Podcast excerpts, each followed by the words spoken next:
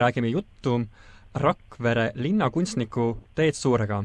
tere, Teet! tere! oleme sulle helistanud ka eelneval aastal, sest et Rakveres toimub igal jõulul midagi sellist, mis alati saab rahvusvahelist tähelepanu.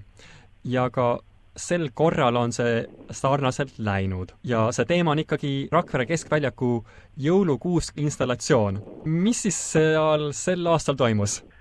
No sellel aastal püüdsime jälle midagi omanäolist teha ja, ja ma arvan, see ka õnnestus, et keskväljakul olev installatsioon on siis äh, selline äh, omanäoline, tal on seekord selline omapära, et tema üheks osaks on trepid ja inimesed, kes tulevad seda vaatama või seal väljakul on, saavad sinna trepist niimoodi kõrgemale tõusta ja sinna kuuse sisse nii-öelda sellisele vaateplatvormile. Et see on selline eripära ja, ja päris, päris palju on inimestel selle vastu huvi ja, ja nad tulevad jälle Rakveresse tõesti seda vaatama. Rakvere on tõesti ennast märgatavaks teinud erinevates äh, rahvusvahelistes väljaannetes, sellel korral taaskord Huffington Post on Rakvere linna jõulukuuse installatsiooni valinud kahekümne kahe parima erilisema hulka samuti on seda teinud teised erinevad väljaanded erinevatest maadest, veebiväljaanded, et juba osatakse nagu vaadata Rakvere suunas, et mis seal siis järgmisel aastal toimub ja nii edasi. kuid sellel aastal ei läinud see jõulupuu püstitamine päris ilma draamadeta, et rahvas on olnud päris vastu sellisele ebatraditsioonilisele jõulupuule. kas vastab see tõele? jah, seda küll, et eks vastaseid on alati olnud ja ega neid on päris raske mõõta, et rahvahääletust selles osas ju ei ole teinud, et kõik saaksid öelda, et kes on poolt, kes on vastu, kes tahavad nii-öelda seda traditsioonilist puud, et sellist küsitlust ju tegelikult ei ole teinud, aga samas nende vastaste hääled on päris tugevalt kuulda, aga võib-olla sellepärast ka, et need, kes on poolt, võtavad asja rahulikult ja ei võta sõna. aga sellel aastal oli meil valimiste aasta. Ehk siis kohalike omavalitsuste volikogude valimised. Ja juhtus nii, et kaks, ütleme, koalitsiooniparteid, kes said rohkem hääli, kirjutasid kokku koalitsioonilepingu, kus siis ühised lubadused on kirjas. Ja sinna läks selline punkt tõesti kirja, et et toome kesklinna tagasi traditsioonilise jõulupuu. ja samas jätkame võimaluse jätkata installatsioonidega. sellel aastal siis oligi niisugune kummaline olukord, et tegelikult Rakvere vist püstitati lausa kaks kuuske, kuigi seda teist kuuske, seda traditsioonilist kuuske väga palju just meedias ei kajastata. seda küll jah, et ta on siin mõned sajad meetrid eemal ka tegelikult kesklinnas ja sellises päris käidavas kohas ja kaunis kohas, kirikupargis, aga jah, selles mõttes küll, et äh, ta jah, kaugemalt jah, tõesti tähelepanu ei saa, aga võib-olla on siis need kohalikud inimesed, kes siis seda, kellele see meeldib. no siis saab öelda, et Rakvere on sellel aastal eriti rikas, et tal on lausa kaks jõulupuud. kuid tulles tagasi nüüd selle jõuluinstallatsiooni puu juurde. millist lugu see siis sel korral räägib, mis oli see sinu inspiratsioon sel korral? igal aastal sa üllatad millegi uuega.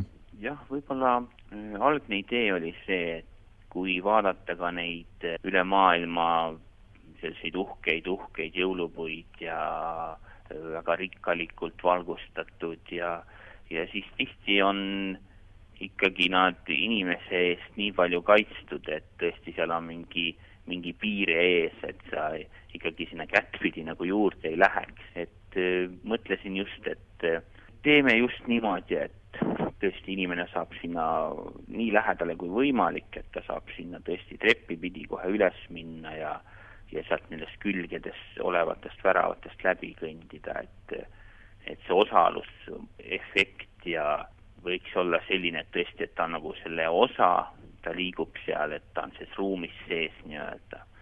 et see on see omapära, mis inspireeris. Ja võib-olla see, et see trepp, trepp ülesse liigub ja seal on niisugune tasapind, nii-öelda see vaateplatvorm, siis noh, see ka millegi poolest sümboliseerib sellist edasiliikumist kõrgemale, ka need väravad, seal on sellised uksed nagu, millest saab läbi kõndida ringiratast, et noh, ta sümboliseerib võib-olla sellist edasi liikumist ja võib-olla seda uute uste ja uute võimaluste avanemist ja midagi sellist ma kujutan ette, et kui mina oleksin laps, et siis ma päris huviga tahaksin nendel treppidel kõndida ja seda kuuske uudistada. et kas sa oled märganud, kas, kas nii ka on? jah, seda küll, et et lapsed on hästi vastuvõtlikud ja nemad näevad kindlasti sellist võimalust alati seal liikuda ja see on nende jaoks põnev ja seal on kolm treppi ja sealt trepide alt saab ümber selle kuuse liikuda ja noh, see on piisavalt põnev, et nad nagu tõesti üles-alla ja nad liiguvad seal ja see on päris atraktiivne laste jaoks, paistab küll kõrvalt vaadates. sa oled neid kuuski ikka loonud koostöös ähm, äh, Virumaa Kutsehariduskeskusega. kuidas Kutsehariduskooli õpilased sel korral selle ideega kaasa tulid?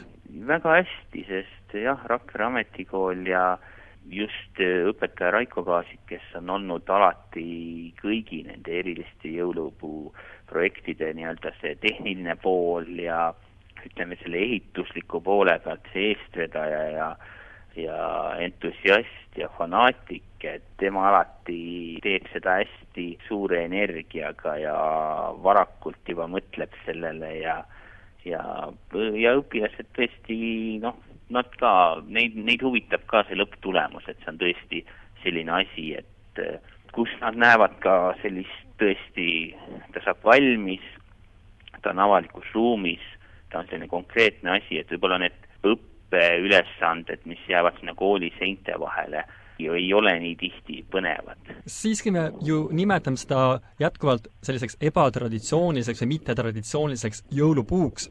et mis seal siis on see vägikaikavedu selle traditsiooni ja, ja siis loomingulise vahel, et, et kus need kaks siis põrkuvad seal?